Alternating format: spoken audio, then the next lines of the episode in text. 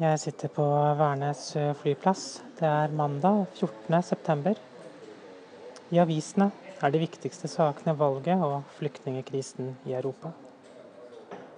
Jeg har eh, nettopp ankommet med fly fra Oslo og skal videre med Widerøe til Mo i Rana. Jeg føler meg privilegert som på en grå og våt dag i Oslo får anledning til å se den blå himmelen, se skyene fra oversiden få et lite øyeblikk, en følelse av overblikk. Et annet perspektiv enn det daglige kan være berikende.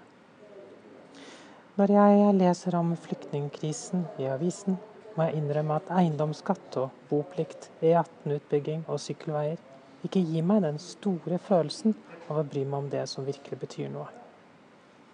Jeg eh, prøver å ha flere tanker i hodet på en gang. Det er ikke alltid like enkelt.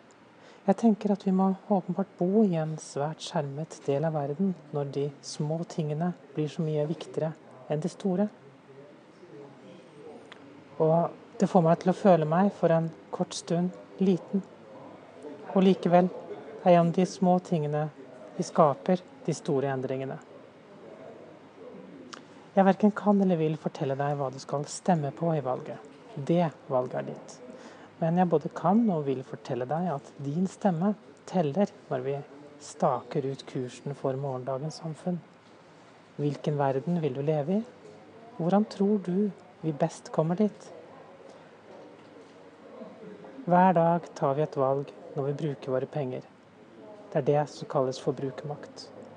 Men i dag velges også de lokale visjoner for de neste fire år.